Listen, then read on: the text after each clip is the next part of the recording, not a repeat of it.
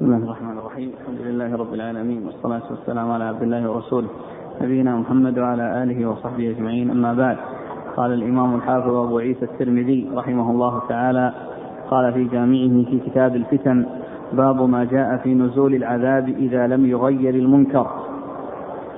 قال حدثنا أحمد بن منيع قال حدثنا يزيد بن هارون قال أخبرنا إسماعيل بن أبي خالد عن قيس بن أبي حازم عن أبي بكر الصديق رضي الله عنه أنه قال أيها الناس إنكم تقرؤون هذه الآية يا أيها الذين آمنوا عليكم أنفسكم لا يضركم من ضل إذا اهتديتم وإني سمعت رسول الله صلى الله عليه وعلى آله وسلم يقول إن الناس إذا رأوا الظالم فلم يأخذوا على يديه أوشك أن يعمهم الله بعقاب منه.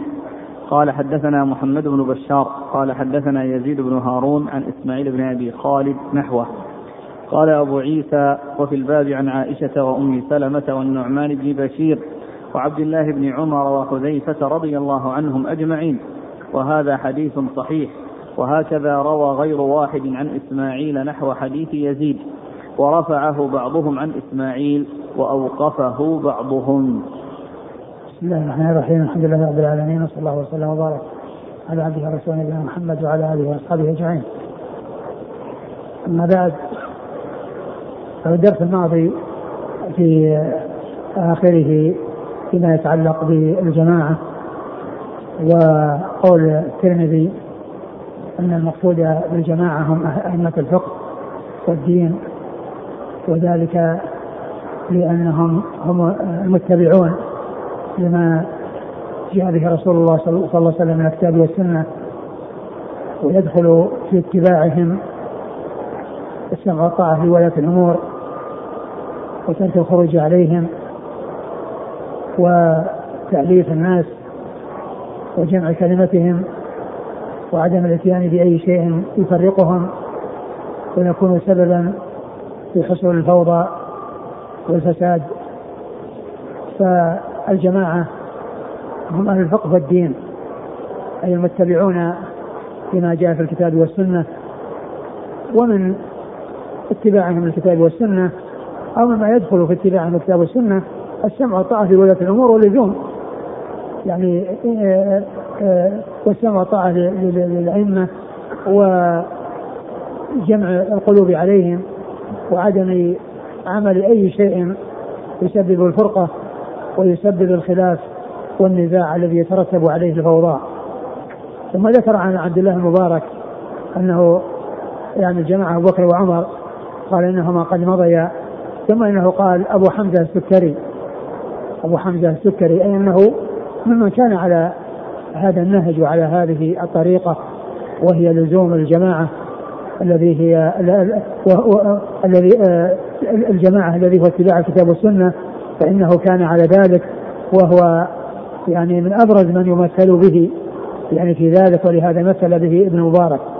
وأبو حمزة السكري هو محمد بن ميمون ويقال له السكري آه، لأنه كان حلو المنطق وحلو الكلام وليس نسبة إلى السكر لا بيعه ولا يعني صنعه ويعني آه، آه، وإنما كان حسن المنطق و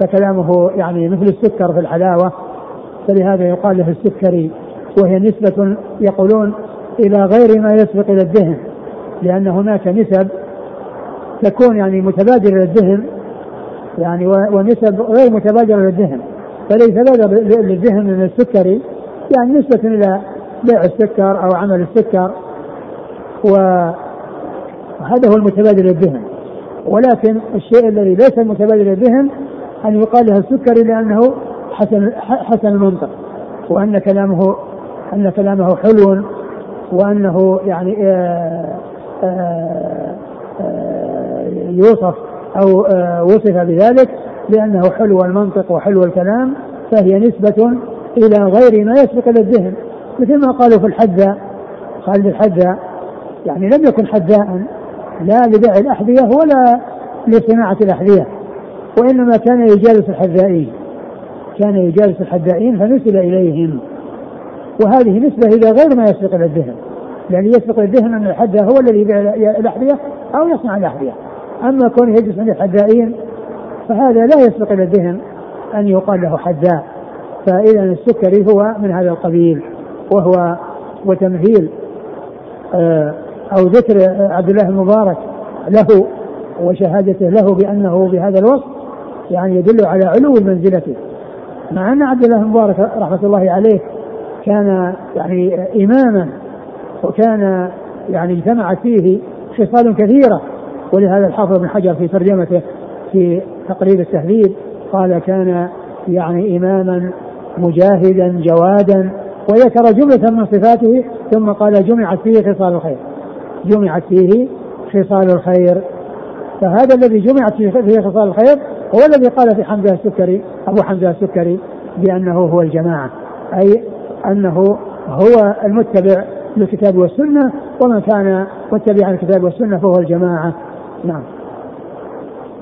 ثم أورد آه، أبو عيسى رحمه الله بعد هذا باب آه، في ما جاء في نزول العذاب إذا لم يغير المنكر. باب في في نزول العذاب إذا لم يغير المنكر.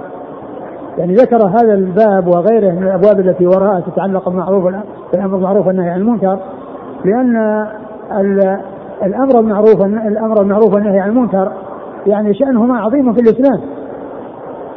وأمة محمد عليه الصلاة والسلام ما كانت خير أمة أخرجت للناس إلا لأنها تأمر بالمعروف وتنهى عن المنكر. كنتم خير أمة أخرجت للناس تأمرون بالمعروف وتنهى عن المنكر وتؤمنون بالله. ولعن من لعن من بني إسرائيل على ألسنة أنبيائهم لأنهم لا يتآمرون بالمعروف ولا يتناهون عن المنكر. لعن الذين كفروا بني إسرائيل على لسان داوود وعيسى بن مريم ذلك ما عصوا وكانوا يعبدون. كانوا لا يتناهون عن منكر فعلوه لبئس ما كانوا يفعلون. فهذه الأمة حصلت لها الخيرية لقيامها بهذه بهذا الأمر ولعن من لعن من الأمم السابقة لعدم قيامهم بهذا الأمر. وهذا يدلنا على أن الأمر بالمعروف فيه السلامة من الفتن وأن عدم وأن ترك ذلك وعدم ذلك هو سبب الفتن. ومن أجل هذا ذكر المصنف رحمه الله يعني أبواب أبواب الأمر بالمعروف والنهي عن المنكر في هذا الباب. قال باب في أن أنه إذا إذا لم يغير المنكر نزول العذاب إذا لم يغير المنكر. في نزول العذاب إذا لم يغير المنكر. يعني أن من أسباب نزول العذاب وجود المنكرات وعدم تغييرها. وجود المنكرات وحصول المنكرات وعدم تغييرها. فيحصل العذاب وتحصل الفتن. يعني بسبب ذلك والسلامة من الفتن هي بالاستقامة على أمر الله وبالأمر المعروف والنهي عن المنكر. ومن المعلوم أن الأمر المعروف والنهي عن المنكر يعني هو أمر بتقوى الله عز وجل. وأعظم شيء يؤمر به تقوى الله سبحانه وتعالى وأعظم شيء ينهى عنه معصية الله عز وجل. وفي مقدم ومقدمة ذلك إخلاص العبادة لله عز وجل فيما يتعلق بالمأمورات وترك الشرك فيما يتعلق بالمنهيات. فأعظم شيء أمر الله تعالى به التوحيد وهو إخلاص العبادة لله عز وجل وأعظم شيء نهى عنه الشرك. أعظم شيء نهى عنه الشرك. فتقوى الله عز وجل هي سبب كل خير وسبب كل صلاح وفلاح في الدنيا والآخرة وهي إنما تحصل بالتآمر المعروف والتناهي عن المنكر. وقد جاء في القرآن الكريم آيات كثيرة تدل على على الآثار الطيبة التي تترتب على ذلك في الدنيا والآخرة. قال الله عز وجل في سورة الطلاق في آيات ثلاث متواليات ومن يتق الله يجعل له مخرجا ويرزقه من حيث لا يحتسب. ثم قال ومن يتق الله يجعل له من أمره يسرا. ثم قال ومن يتق الله يكفر عنه سيئاته ويعظم له أجرا. وقال واتقوا الله ويعلمكم الله. وقال إن تتقوا الله يجعل لكم فرقانا. فتقوى الله عز وجل التي هي لزوم طاعته واجتناب مناهيه هي سبب كل خير وصلاح وفلاح. فالتعامل معروف والتناهي عن المنكر فيه السلامة فيه آه، آه، آه، حصول الخيرات والسلامة من الشرور. ثم ورد أبو عيسى حديث أبي بكر الصديق رضي الله عنه أن أنه قال يا أيها الناس إنكم تقرؤون هذه الآية وإنكم تضعونها في غير موضعها. وإني سمعت رسول الله صلى الله عليه وسلم يقول إن الناس إذا رأوا المنكر فلم يغيروه. أوشك الله أوشك الله أن يعمهم بعذاب منه. أن يعمهم بعذاب منه. كما قال الله عز وجل واتقوا فتنة لا تصيبن الذين ظلموا خاصة. فإذا من أسباب وقوع العذاب وأسباب الفتن وجود المنكرات وعدم تغييرها. وجود المنكرات وعدم تغييرها هذا من أسباب الفتن وأسباب البلاء وبالأمر المعروف والنهي عن المنكر آه، حصول الخيرات والسلامة من أنواع الشرور. إنكم تقرؤون هذه الآية يعني أن أن بعض الناس قد يفهم منها أنه إذا قام بما يجب عليه والتزم هو بنفسه ولم يأمر معروف ينهى عن المنكر فإنه يكون مهتديا ولا يضره من ضل إذا اهتدى. ليس هذا هو المقصود بالآية وإنما المقصود بها كما بين ذلك أبو بكر رضي الله عنه في هذا الحديث الذي رواه عن رسول الله صلى الله عليه وسلم أن أن الأمر المعروف والنهي عن المنكر هذا أمر مطلوب بل هو من الهداية التي قال الله عز وجل لا يضلكم من ضل إذا اهتديتم. لأن الهداية ليست مجرد أن يكون يعني آه، مستقيما بنفسه وإنما أن يكون هاديا مهديا وراشدا مرشدا ومستفيدا مفيدا ينفع نفسه وينفع غيره. كما قال الله عز وجل والعصر إن الإنسان لفي خسر إلا الذين آمنوا وعملوا الصالحات وتواصوا بالحق وتواصوا بالصبر. فإذا الذين استثنوا من هذا الخسار هم الذين اتصفوا بهذه الصفات. ما هو بس فقط أنهم آمنوا وعملوا الصالحات وليس بعدها شيء بل بعدها وتواصوا بالحق وتواصوا بالصبر. هؤلاء هم الذين يسلمون. والعصر إن الإنسان لم يخسر أي إنسان هو في خسار. ولا ينجو من هذا الخسران إلا من اتصف بهذه الصفات. إلا الذين آمنوا آمنوا بالله عن علم ويقين ومعرفة ومع علمهم وعملهم ومع علمهم يعملون بما علموا. الذين آمنوا وعملوا الصالحات. ثم مع كونهم آمنوا وعملوا الصالحات لا يقصرون النفع عليهم. ولا يسعون إلى تعديته إلى غيرهم بل يعدونه إلى غيرهم وذلك بالامر المعروف والنهي عن المنكر. ولهذا قال وتواصوا بالحق وتواصوا بالصبر. يتواصون بالحق ويتواصون بالصبر على ما يصيبهم وهم يعني قائمون بهذا الأمر العظيم الذي هو الأمر المعروف والنهي عن المنكر. وهذه طريقة الرسل. الرسل عليهم الصلاة والسلام ما بلغوا رسالاتهم وهم في راحة وطمأنينة من غير تعب ونصب ومشقة بل نالهم ما نالهم من الأذى وصبروا واحتسبوا وحصلوا بذلك الأجور العظيمة بجهودهم بجهادهم وأيضا ليكونوا القدوة لأممهم وأن الأمم إذا نالهم ما نالهم من الأذى في سبيل قيامهم بالدعوة إلى الله عز وجل وتوجيه الخير أنهم يصبرون كما صبر الرسل لأن القدوة في قدوتهم في ذلك رسول الله عليهم الصلاة والسلام. وهم ما بلغوا ما بلغوا إلا بعد التعب إلا بالتعب والنصر والمشقة. نبينا محمد صلى الله عليه وسلم يعني جاهد في, في الله حق جهاده وأوذي في سبيل الله قبل الهجرة ناله ما ناله من الأذى وصبر ولما هاجر وجاهد في سبيل الله حصل له الضرر وشج وجهه وكسرت رباعيته وسال دم من وجهه الشريف عليه الصلاة والسلام وهو رسول الله صلى الله عليه وسلم. والله تعالى قادر على نصرة رسل الله ومن سار على منهاجهم من غير تعب ومن غير مشقة. ولكن الله شاء الابتلاء. أن يبتلي الله المؤمنين بالكفار والكفار المؤمنين الله عز وجل ذلك ولو يشاء الله لانتصر منهم. ذلك ولو يشاء الله لانتصر منهم. ولكن ليبلو بعضكم ببعض. ولكن ليبلو بعضكم ببعض.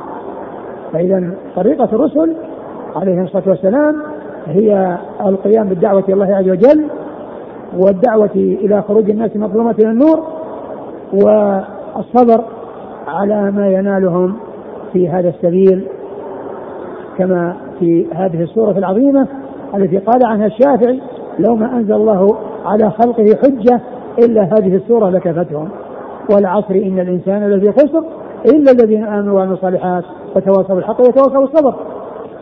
ولهذا فإن من يفهم يعني من الآية أنه آه، آآ آه، يستقيم بنفسه ولا يضره ضلال من ضل مع سكوته ومع قدرته على الأمر بالمعروف والنهي عن المنكر وعدم قيامه بذلك فإنه يكون مخطئا في في في فهم هذه الآية.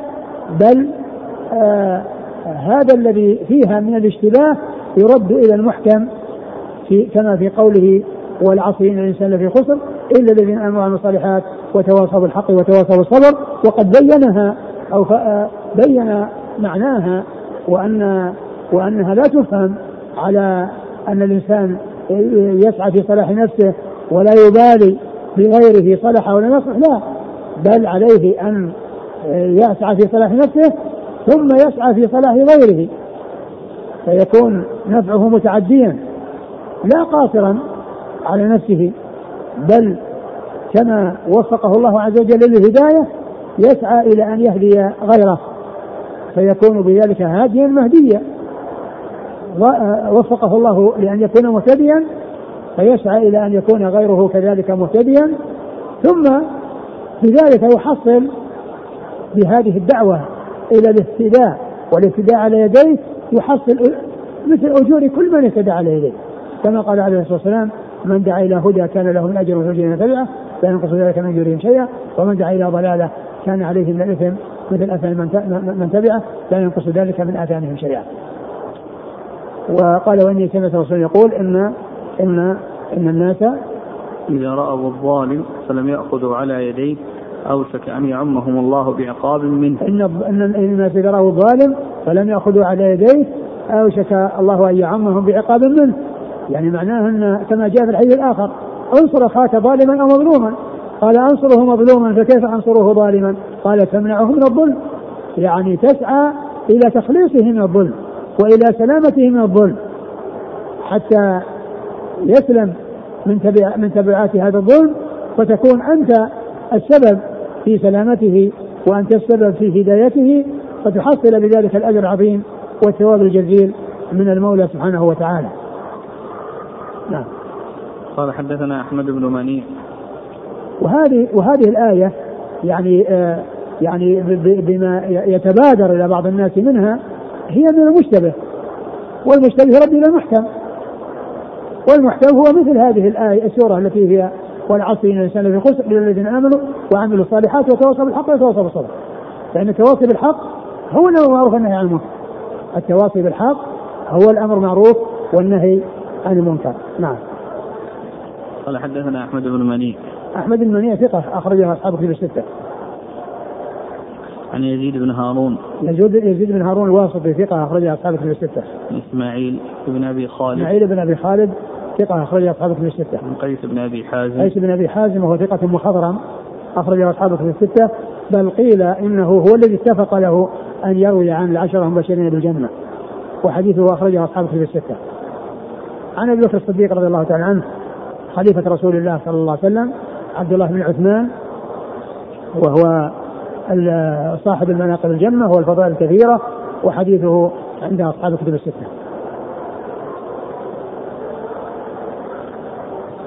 وشيخنا الشيخ محمد بن الشنقيط رحمة الله عليه عند هذه الآية من أبواء البيان ذكر المباحث المتعلقة بالأمر بالمعروف والنهي عن المنكر المباحث المتعلقة بالأمر بالمعروف والنهي عن المنكر والمسائل المتعلقة فيه أوردها عند هذه الآية من سورة المائدة. قال حدثنا محمد بن بشار محمد بن بشار هو ملقب بن دار ثقة أخرج أصحاب الكتب الستة وهو شيخ لأصحاب الكتب الستة. قال وفي الباب عن عائشة عائشة أم المؤمنين رضي الله عنها وأرضاها صديقة بن صديق وهي ممن أكثر الرواية عن رسول الله صلى الله عليه وسلم. وأم سلمة وأم سلمة هند, هند بنت أبي أمية أم المؤمنين رضي الله عنها وحديثها أخرجه أصحاب الكتب الستة.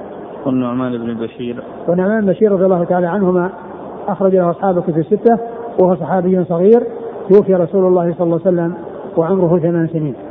عبد الله بن عمر عبد الله بن عمر رضي الله تعالى عنهما أحد العباد له الأربعة وأحد السبعة المكثرين من حديث رسول الله صلى الله عليه وسلم.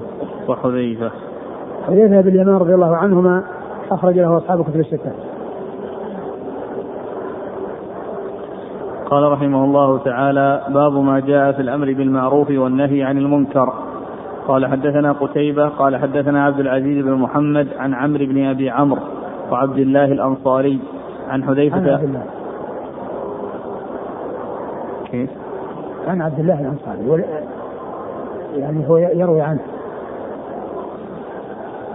يعني في هذه في النسخة غلط وفي النسخة الأخرى على الصواب. عنه عن عمرو بن أبي عمرو وعن عن عمرو بن أبي عمرو عن عبد الله الأنصاري عن حذيفة بن اليمان رضي الله عنهما عن النبي صلى الله عليه وآله وسلم أنه قال: والذي نفسي بيده لتأمرن بالمعروف ولتنهون عن المنكر أو ليوشكن الله أن يبعث عليكم عقابا منه ثم تدعونه فلا يستجاب لكم. قال أبو عيسى هذا حديث حسن. قال حدثنا علي بن حجر قال أخبرنا إسماعيل بن جعفر عن عمرو بن أبي عمرو بهذا الإسناد نحوه.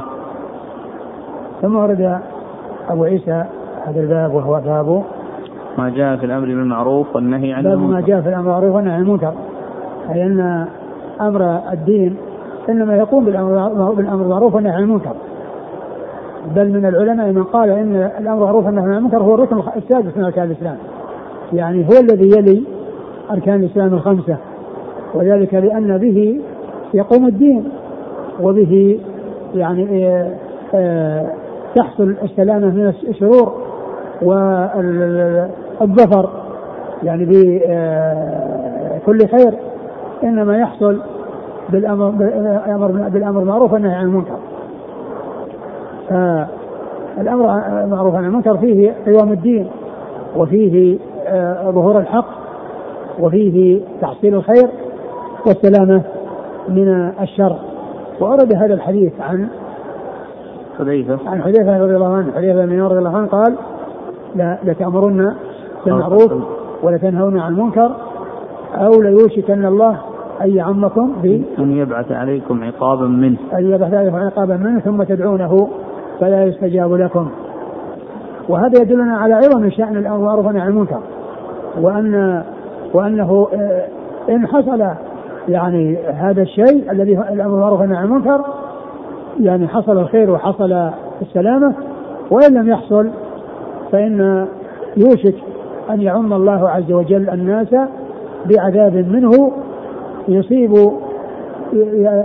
لا يختص بالظالم ولا يختص بفاعل المنكر وإنما يعني يحصل آه، لهم ولغيرهم. كما قال الله عز وجل واتقوا فتنة لا تصيبن الذين ظلموا خاصة. واتقوا فتنة لا تصيبن الذين ظلموا يعني بل تحصل لهم ولغيرهم. تحصل لهم ولغيرهم. فإذا الأمر معروف عن المنكر فيه السلامة من العذاب والسلامة من الشر وفيه تحصيل الخير وفيه نصرة الدين وانتشاره وظهوره. نعم. قال حدثنا قتيبة. قتيبة بن سعيد ثقة أخرج أصحاب كتب الستة. عبد العزيز بن محمد. عبد العزيز بن محمد هو الدراوردي صدوق أخرج أصحاب كتب الستة. عن عمرو بن أبي عمرو. وهو؟ ثقة ربما وهم أخرج أصحاب الكتب. نعم. عن عبد الله الأنصاري. عبد الله الأنصاري وعبد الرحمن عبد الله بن عبد الرحمن الأنصاري. وهو ضعيف مقبول. مقبول وهو مقبول أخرج له. الترمذي وابن ماجه. الترمذي وابن ماجه نعم. عن حذيفة بن اليمان. حذيفة بن اليمان رضي الله عنه أخرج له أصحاب كتب الستة. وهذا الحديث فيه مقبول فيعني آه، ولكن له شواهد يكون بها حسنا ولكن له شواهد يكون بها حسنا. نعم. قال حدثنا علي بن حجر. وفي نسخة الشيخ ناصر قال متفق عليه وهذا يعني يعني وهم لأنه ليس في الصحيحين وإنما وهو رحمه الله في صحيح الجامع قال حسن. في صحيح الجامع قال حسن وعزاه إلى الترمذي وأحمد. نعم. قال حدثنا علي بن حجر. علي بن حجر هو بن إياس السعدي ثقة. أخرجه البخاري ومسلم والترمذي والنسائي. عن إسماعيل بن جعفر. إسماعيل بن جعفر ثقة أخرجه أصحاب في الستة. قال حدثنا قتيبة قال حدثنا عبد العزيز بن محمد عن عمرو بن أبي عمرو عن عبد الله وهو ابن عبد الرحمن الأنصاري الأشهلي. عن حذيفة بن اليمان رضي الله عنه أن رسول الله صلى الله عليه وآله وسلم قال والذي نفسي بيده لا تقوم الساعة حتى تقتلوا إمامكم وتجتلدوا بأسيافكم ويرث دنياكم شراركم.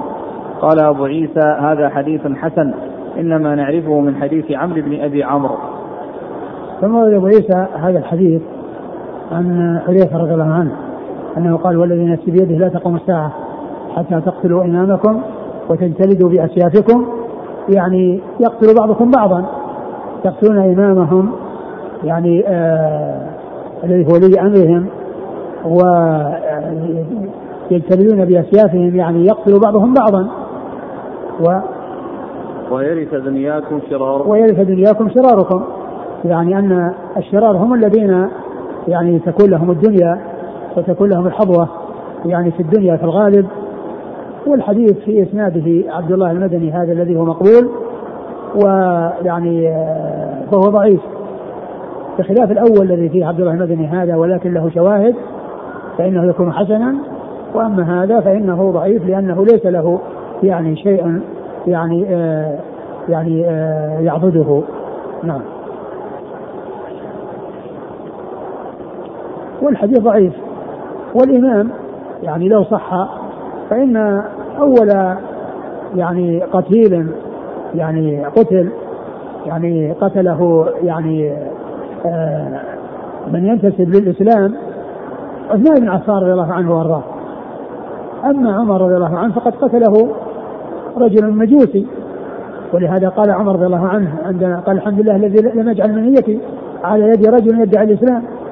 الحمد لله الذي لم يجعل منيتي على رجل يدعي الإسلام. فلو صح هذا الحديث فإن الإمام الذي قتل هو عثمان رضي الله عنه وأرضاه. وهو ثالث الخلفاء الراشدين الهاديين المهديين صاحب المناقب الجمة والفضائل الكثيرة. وقد مر في الدرس الماضي الحديث الذي هو أول حديث في كتاب الفتن وهو آه، كون عثمان رضي الله عنه أشرف على هؤلاء الذين أحاطوا به وأرادوا قتله بل انتهى الأمر إلى أن قتلوه. وقال لهم أنشدكم الله هل تعلمون أن النبي صلى الله عليه وسلم قال يعني أنه لا يحل يعني قتل يعني مسلم إلا أن يكون ثيبا زانيا أو قاتلا لنفسه أو مرتدا عن دين الإسلام؟ نعم. قال رحمه الله تعالى باب تقدم. قتيبة عن عبد العزيز محمد عن عمرو بن أبي عمرو عن عبد الله بن عبد الرحمن الأنصاري عن حذيفة بن اليمان. قال رحمه الله تعالى باب قال حدثنا نصر بن علي الجهضمي قال حدثنا سفيان عن محمد بن سوقة عن نافع بن جبير عن أم سلمة رضي الله عنها عن النبي صلى الله عليه وعلى آله وسلم أنه ذكر الجيش الذي يخسف بهم. فقالت أم سلمة لعل فيهم المكره. قال إنهم يبعثون على نياتهم. قال أبو عيسى هذا حديث حسن غريب من هذا الوجه. وقد روي هذا الحديث عن نافع بن جبير عن عائشة رضي الله عنها أيضا عن النبي صلى الله عليه وسلم.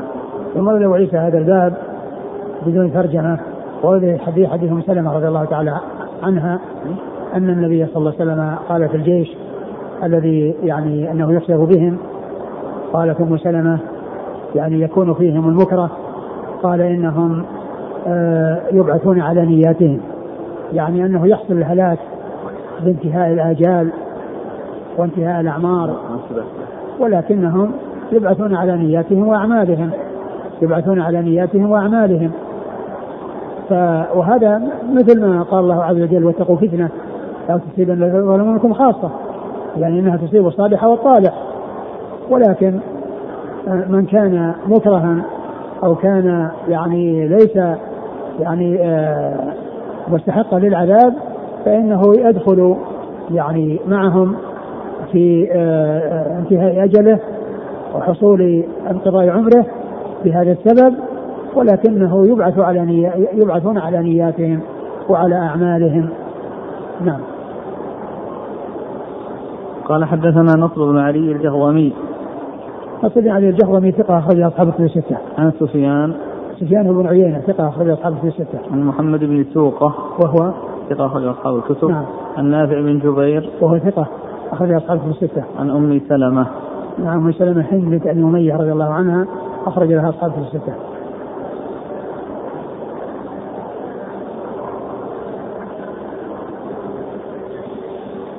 قال رحمه الله تعالى باب ما جاء في تغيير المنكر باليد أو باللسان أو بالقلب قال حدثنا بندار قال حدثنا عبد الرحمن بن مهدي قال حدثنا سفيان عن قيس بن مسلم عن طارق بن شهاب رضي الله عنه أنه قال أول من قدم الخطبة قبل الصلاة مروان. فقام رجل فقال لمروان خالفت السنة. فقال يا فلان ترك ما هنالك. فقال أبو سعيد رضي الله عنه أما هذا فقد قضى ما عليه.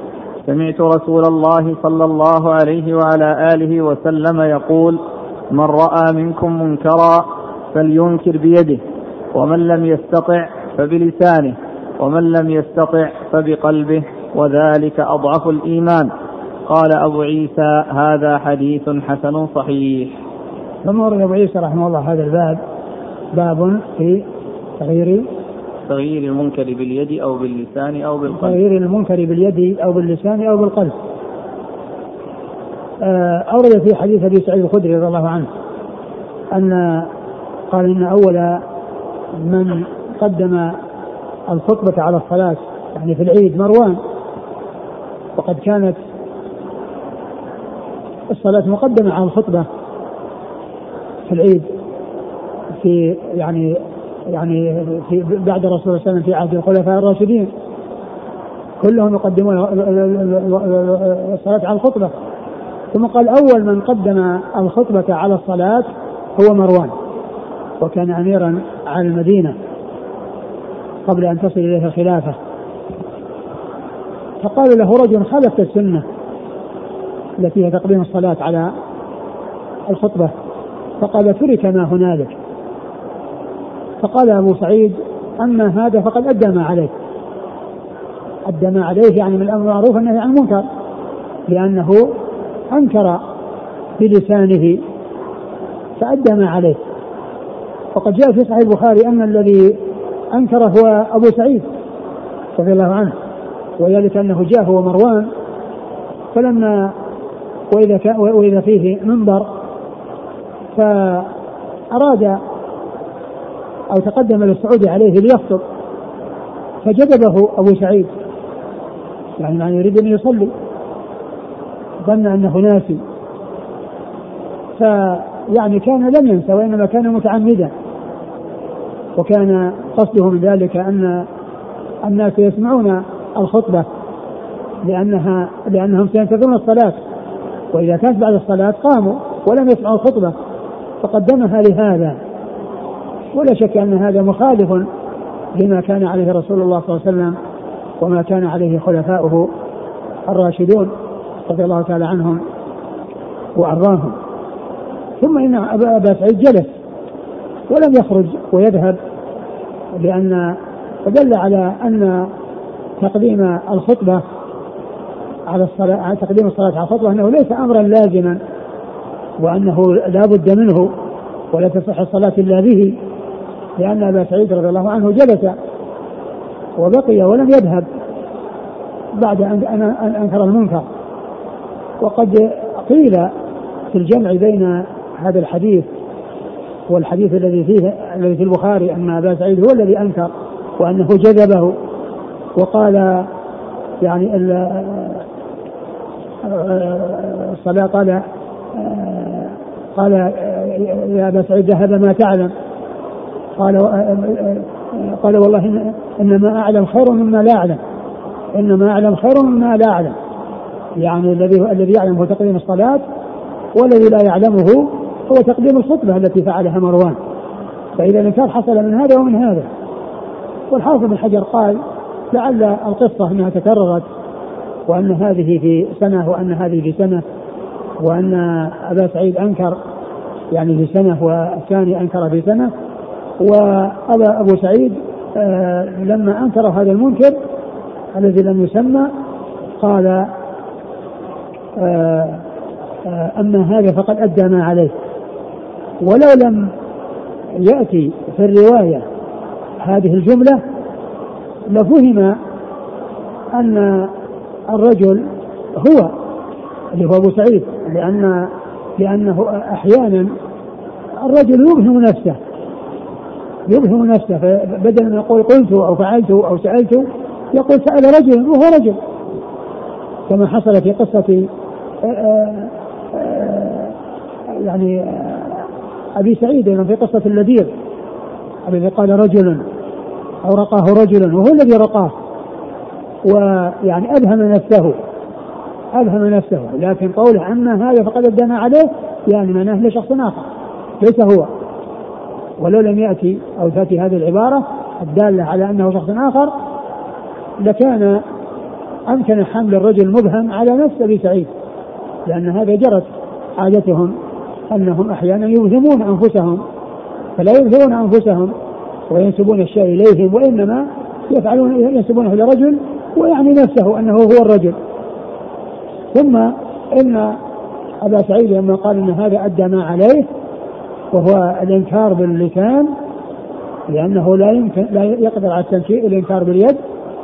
أورد الحديث عن رسول الله صلى الله عليه وسلم الذي فيه بيان مراتب الإنكار. قال عليه الصلاة والسلام من رأى منكم منكرا فليغيره بيده حيث يكون عنده قدرة كأن يكون سلطانا أو صاحب أو نائب السلطان أو يعني أهل الحسبة أو صاحب البيت. لأن صاحب البيت له ولاية على بيته وهو يغير بيده. والذي ليس من أهل اليد ولا يقدر على التغيير باليد لأنه ليس من أهله فإنه ينكر بلسانه. بأن يبين أن هذا لا يجوز وأن هذا الحكم غير صحيح. وإذا لم يمكن الإنكار باللسان أيضا فلا أقل من الإنكار بالقلب. وذلك بين أن يتأثر ويظهر على وجه التأثر لحصول ذلك المنكر. وكونه يعني آه يعني أنكر المنكر بقلبه يعني هذا أمر واضح ولكن كونه ينسب له التغيير وما حصل فيه تغيير وإنما حصل إنكار بقلبه.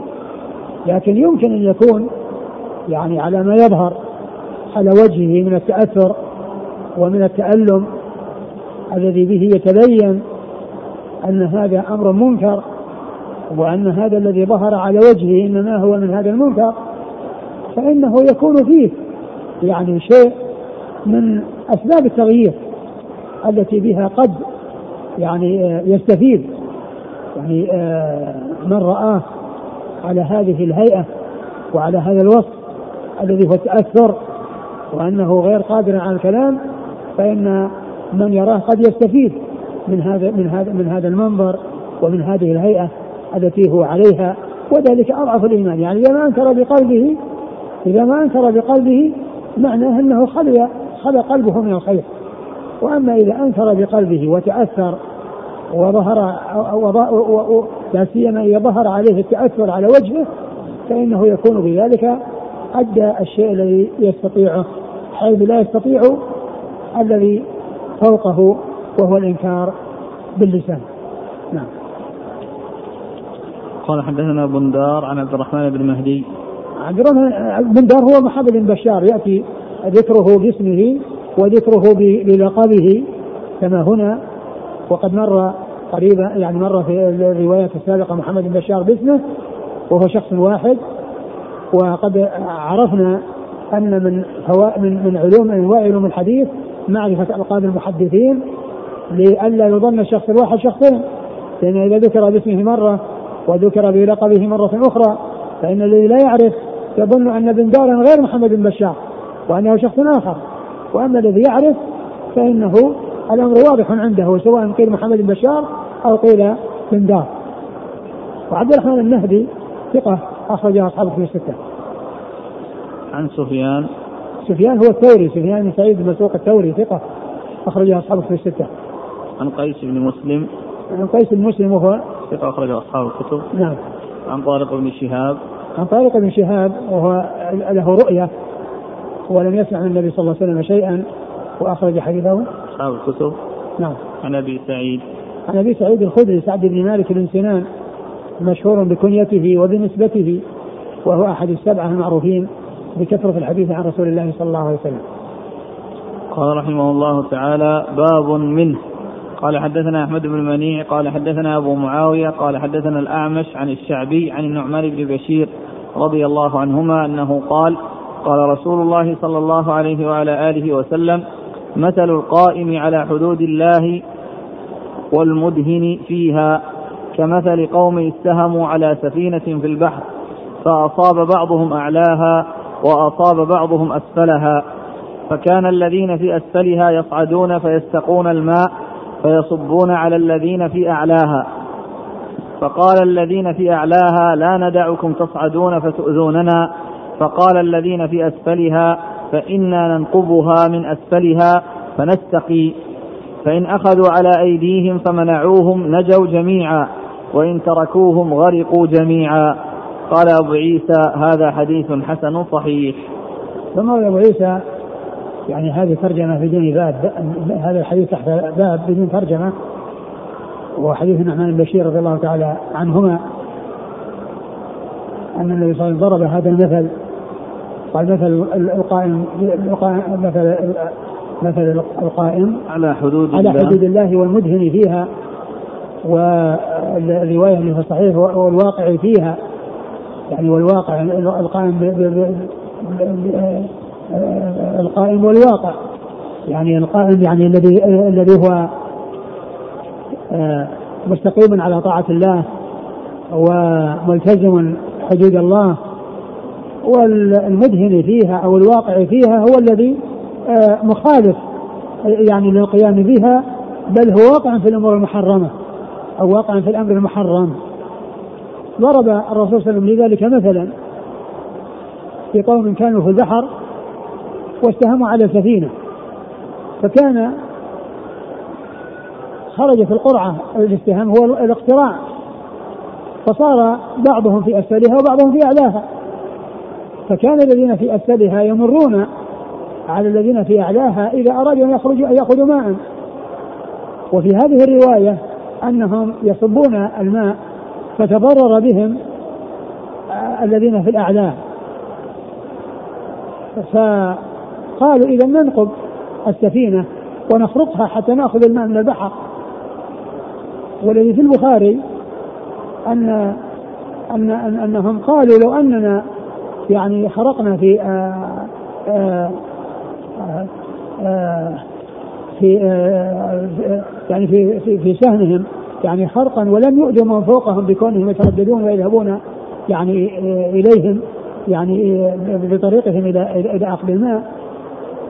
قال فإنهم يعني يعني الذين هم الذين في الأعلى وكذلك الذين هم في الأعلى أخذوا على أيديهم أي الذين في الأسفل الذين أرادوا أن يخرقوا فإنهم أخذوا على ايديهم نجوا جميعا الذين في الأسفل والذين في الأعلى لأن السفينة تغرق.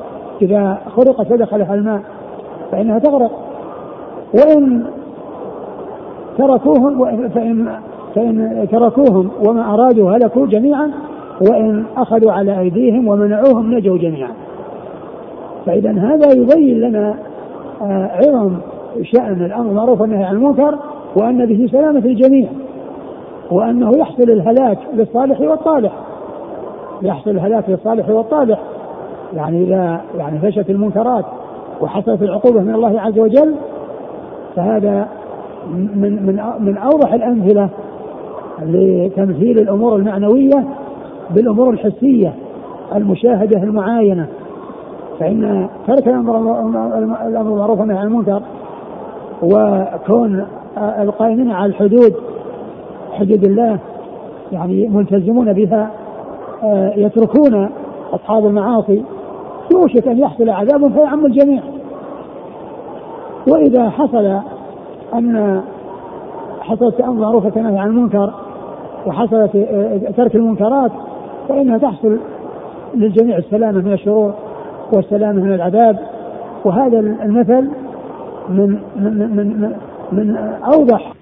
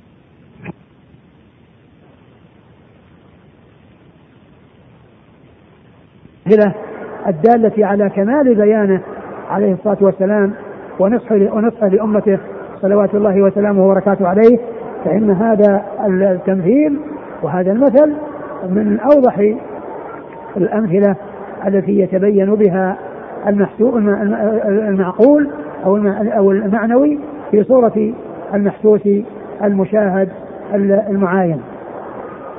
نعم. قال حدثنا أحمد بن منيع عن أبي معاوية أبو معاوية محمد بن خازم الضرير الكوفي ثقة أخرج أصحاب الكتب الستة.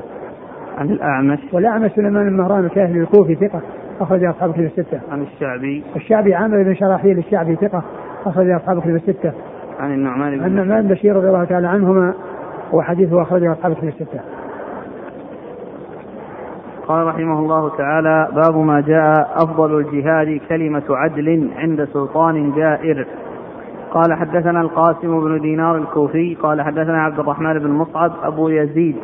قال حدثنا إسرائيل عن محمد بن جحادة عن عطية عن أبي سعيد الخدري رضي الله عنه أن النبي صلى الله عليه وعلى آله وسلم قال إن من أعظم الجهاد كلمة عدل عند سلطان جائر.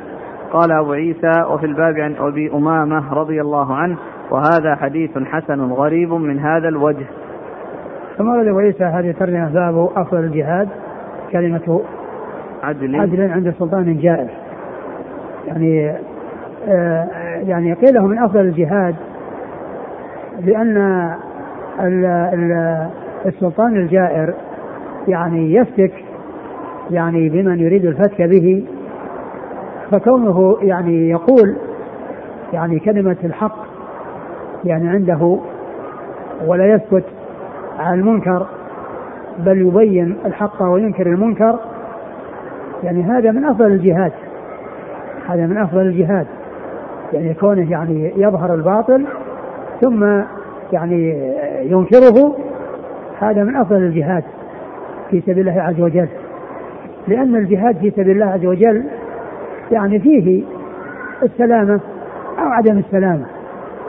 وأما السلطان الجائر الذي يفتك بمن يريد الفتك به فإن الهلاك وإلحاق الضرر يعني بمن يقابله يعني غالبا يحصل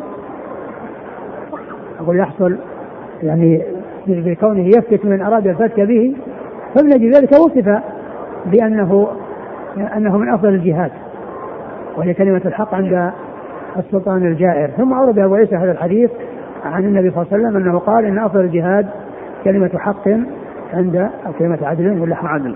عدل عند سلطان جائر وقد جاء الحديث له طرق وله شواهد وفي وفيه كلمة حق عند سلطان جائر والحديث في إسناده ضعف ولكن له شواهد يعني يكون بها حسنا نعم. قال حدثنا القاسم بن دينار الكوفي. هو؟ ثقة أخرج مسلم والترمذي والنسائي وابن ماجه. نعم. عن عبد الرحمن بن مصعب. وهو؟ مقبول وله الترمذي والنسائي في مسند علي وابن ماجه. نعم. عن إسرائيل. إسرائيل آه، هو ثقة أخرج أصحابه في الستة. عن محمد بن جحادة. هو؟ ثقة أخرج أصحاب الكتب. نعم. عن عطية.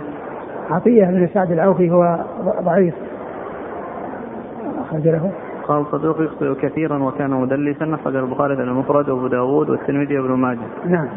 عن أبي سعيد الخدري. نعم. والحديث فيه عطية وفيه هذا الذي هو عبد الرحمن بن مصعب. عبد الرحمن بن مصعب الذي هو مقبول. ولكن الحديث يعني يعني هو حسن أو صحيح للشواهد الأخرى التي يعني آه، بلفظه أو بمعناه. نعم. وفي الباب عن أبي أمامة. ابو امامه صدي بن عجلان الباهلي رضي الله عنه أخرج أصحابه في الستة.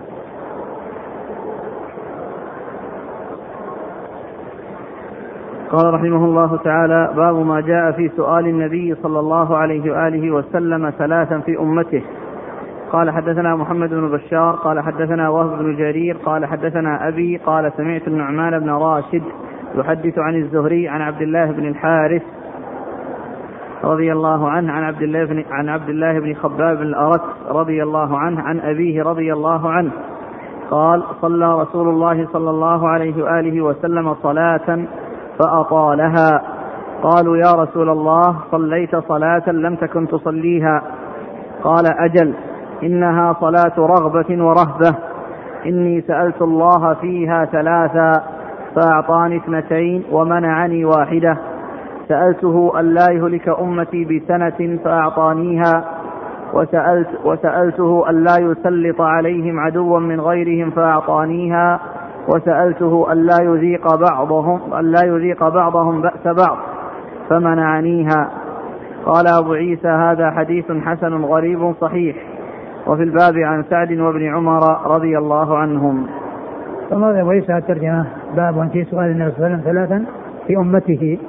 يعني ثلاثة يعني ثلاثة أمور أو ثلاث خصال يعني سألها صلى الله لأمته. وقد أورد أبو عيسى الحديث يعني في ذلك عن النبي صلى الله عليه وسلم أنه صلى صلاة أطال فيها. فقالوا إنك صليت صلاة يعني ما كنت تصليها. قال أجل أنها صلاة رغبة ورهبة. يعني أنه آه، يعني رغب فيها ورهب. وسأله يعني أشياء يعني آآ آآ سأل السلامة منها والعافية منها فأجيب إلى اثنتين ومنع الثالثة. ومن المعلوم أن أن صلاته وسلم صلاة رغبة ورهبة كل صلواته كذلك. ولكن المقصود من ذلك كأنه شيء خاص يعني يتعلق بهذه الأمور التي سأل الله عز وجل إياها وأنه استجيب له في اثنتين ومنع الثالثة. استجيب له بأن لا يهلك أم أمته بسنة أي بالقحط والجذب الذي يعم الناس ويهلكون وأن لا يسلط عليهم عدوا من سوى أنفسهم يعني الكفار فيستبيح بيضتهم ويكون الحكم للكفار والولاية للكفار فأجابه إلى ذلك وسأله ألا ألا يجعل بأسهم. ألا يذيق بعضهم بأس ألا يذيق بعضهم بأس بعض. وذلك بحصول الاقتتال الذي يكون بينهم فمنعه ذلك. أي أن هذا لم يجب إليه رسول الله صلى الله عليه وسلم ولهذا حصل الاقتتال في هذه الأمة وكثرت الفتن. وهذا هو الذي آه، آه، جعل المصنف يريد هذا الحديث في كتاب الفتن لأن هذا الاقتتال الذي آه، حصل في هذه الأمة والذي سأله الرسول صلى الله عليه وسلم ولم يجب إلى ذلك وقد كتب الله عز وجل في اللوح المحفوظ أن ذلك يقع وأنه يحصل وأنه لا يرد. فمنع صلى الله عليه وسلم هذا السؤال الذي سئل إياه تعالى رده إياه فصار الاختلاف والاقتتال في هذه الأمة في مختلف العصور والدهور. نعم. قال حدثنا محمد بن بشار عن وهب بن جرير. وهب بن جرير هو؟ ثقة أخرج أصحاب الكتب. عن أبيه جرير بن حازم وهو ثقة أخرج أصحاب الكتب الستة. عن النعمان بن راشد. وهو؟ صدوق سيء الحفظ أخرج البخاري تعليقا ومسلم وأصحاب السنن. نعم. عن الزهري. الزهري محمد بن مسلم بن عبد الله ثقة أخرج أصحاب الكتب الستة. عن عبد الله بن الحارث. وهو؟ له رؤية أخرج أصحاب الكتب. نعم. عن عبد الله بن خباب. وهو؟ له رؤية وله الترمذي والنسائي. نعم. عن أبيه. خباب العرس أخرج له؟ أصحاب الكتب. نعم. وفي الباب عن سعد. سعد بن أبي وقاص أحد العشرة المبشرين بالجنة أخرج أصحاب الكتب الستة. وابن عمر. وابن عمر أحد العباد الأربعة وأحد السبع المكثرين من حديث رسول الله صلى الله عليه وسلم. قال حدثنا قتيبة قال حدثنا حماد بن زيد عن أيوب عن أبي قلابة عن أبي أسماء الرحبي عن ثوبان رضي الله عنه أنه قال قال رسول الله صلى الله عليه وعلى آله وسلم إن الله زوى لي الأرض فرأيت مشارقها ومغاربها. وإن أمتي سيبلغ ملكها ما زوي لي منها وأعطيت الكنزين الأحمر والأصفر. وإني سألت ربي لام الأصفر والأبيض. يعني النسخ الأخرى الأبيض. وفي هذه النسخة الأصفر. ومعلوم أن الكنزين هما الذهب والفضة والفضة بيضاء. نعم. الأحمر والأبيض. نعم. النسخ الأخرى كلها الأبيض.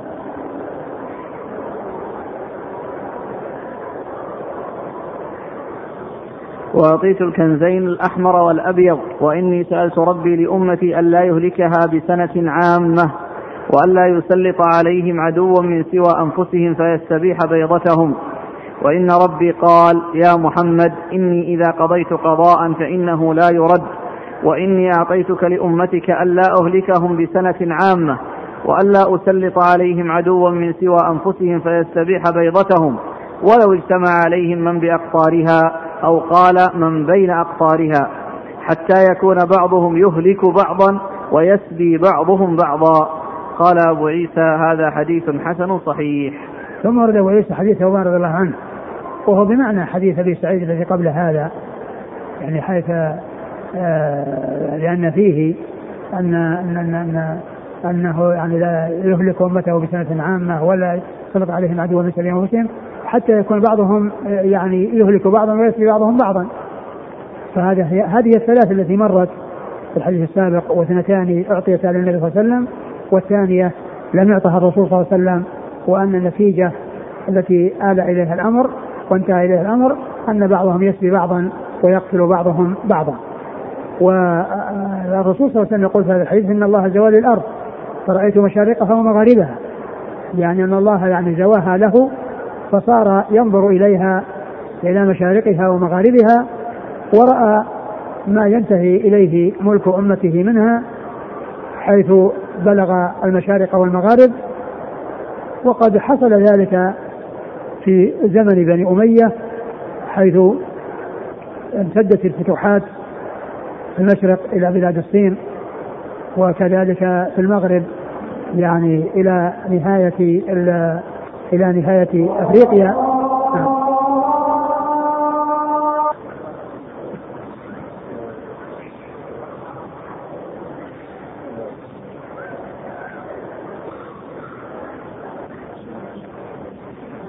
نعم. امتدت الفتوحات إلى بلاد الصين وإلى المحيط الأطلسي وذلك حصل في زمن بني أمية وتحقق بذلك ما أخبر به الرسول الكريم صلى الله عليه وسلم من امتداد يعني آه، آه، دخول انتشار الإسلام ودخول الناس في هذا الدين ووصول دعوة الحق إلى تلك الأماكن البعيدة ودخولهم في الإسلام وذلك بالجهاد في سبيل الله عز وجل حيث ذهبوا يعني إلى تلك الأماكن لإعلاء كلمة الله ونشر الحق وإخراج الناس من الظلمات إلى النور. قال الحديث. قال صلى الله عليه وسلم إن الله زوى لي الأرض فرأيت مشارقها ومغاربها فإن أمتي سيبلغ يعني أن القريب أن البعيد قربه الله عز وجل إليه فصار ينظر إليه كأنه يعني يعني بين يديه هو شيء بعيد. نعم. فرأيت مشارقها ومغاربها وإن أمتي سيبلغ ملكها ما زوي لي منها. وأعطيت الكنزين الأحمر والأبيض. الكنزين الأحمر والأبيض يعني الذهب والفضة. يعني وقيل المقصود بذلك كنز يعني كسرى وقيصر. ولهذا جاء في الحديث ولتنفقن كنوزهما في سبيل الله. ولتنفقن كنوزهما في سبيل الله. وقد أنفقت في سبيل الله وذلك في زمن الفاروق حيث قضي على الدولتين العظميين في ذلك الوقت دولة الفرس ودولة الروم. وأحضرت الكنوز إلى المدينة وتولى قسمة الفاروق بنفسه رضي الله تعالى عنه وأرضاه. نعم. وإني سألت ربي لأمتي ألا يهلكها بسنة عامة وألا يسلط عليهم عدوا من سوى أنفسهم فيستبيح بيضتهم. وإن ربي قال يا محمد إني إذا قضيت قضاء فإنه لا يرد. وإني أعطيتك لأمتك ألا أهلكهم بسنة عامة وألا أسلط عليهم عدوا من سوى أنفسهم فيستبيح بيضتهم ولو اجتمع عليهم من بأقطارها أو قال من بين أقطارها حتى يكون بعضهم يهلك بعضا ويسبي بعضهم بعضا.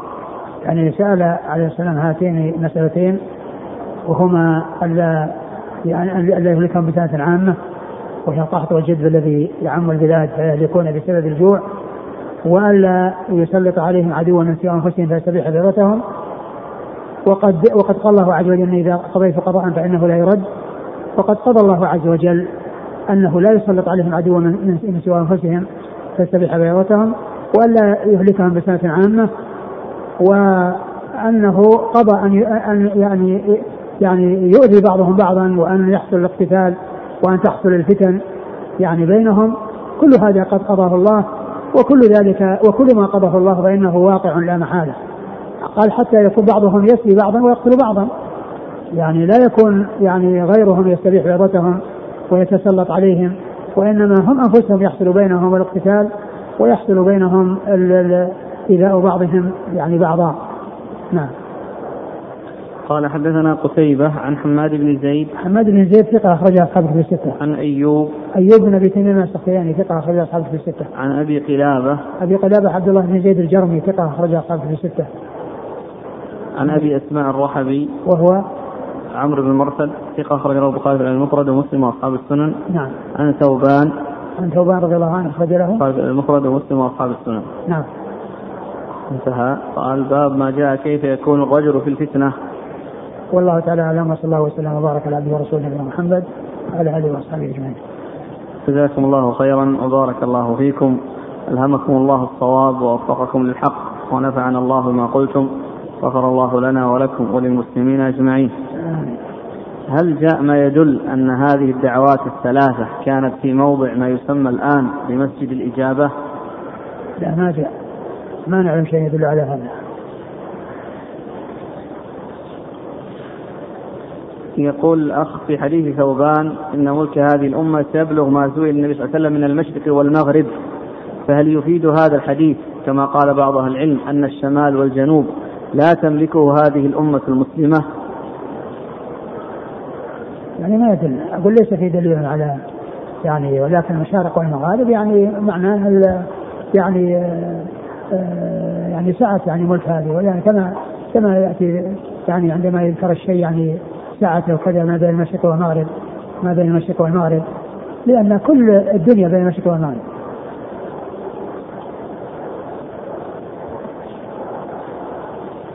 يقول السائل حيث كان الكلام اليوم عن الأمر المعروف والنهي المنكر والشبه تكثر حول علمائنا حفظهم الله. كيف نجيب عن الذين يقولون إن العلماء لا يغيرون المنكرات؟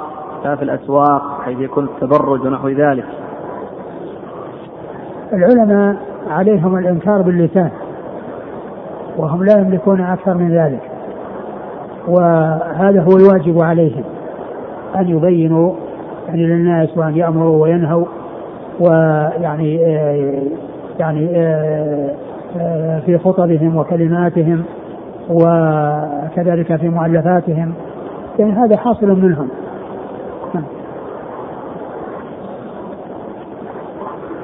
وهذا يقول شيخنا سلمك الله كيف يكون عملنا بمقتضى هذه الأحاديث تغيير المنكر والأمر المعروف في بلادنا التي هي من بلاد المسلمين لكن ولاة الأمور هداهم الله يأذنون فيها ببعض المنكرات كشرب الخمور وفتح بيوت الدعارة وجهونا للصواب فإنا نخاف من هذا الوعيد أن يحل بنا وقد حلت بنا من عقوبات أهلكت الكثير من الناس. إذا كان لكم قدرة على يعني نصح الولاة فافعلوا وهذا من أهم ما يكون وأولى ما يكون. وأما قضية الرعية فإن النصح والتوجيه والإرشاد إلى الابتعاد عن هذه الأمور المحرمة والإرشاد إلى لزوم الطاعة والابتعاد عن المعاصي اجتهدوا في ذلك في دعوة الناس في المساجد وكذلك في الصحف والمجلات إذا كان لكم قدرة على ذلك. وكذلك في المجتمعات التي يكون فيها يعني آه، إلقاء كلمات وفيها بيان يعني وإيضاح.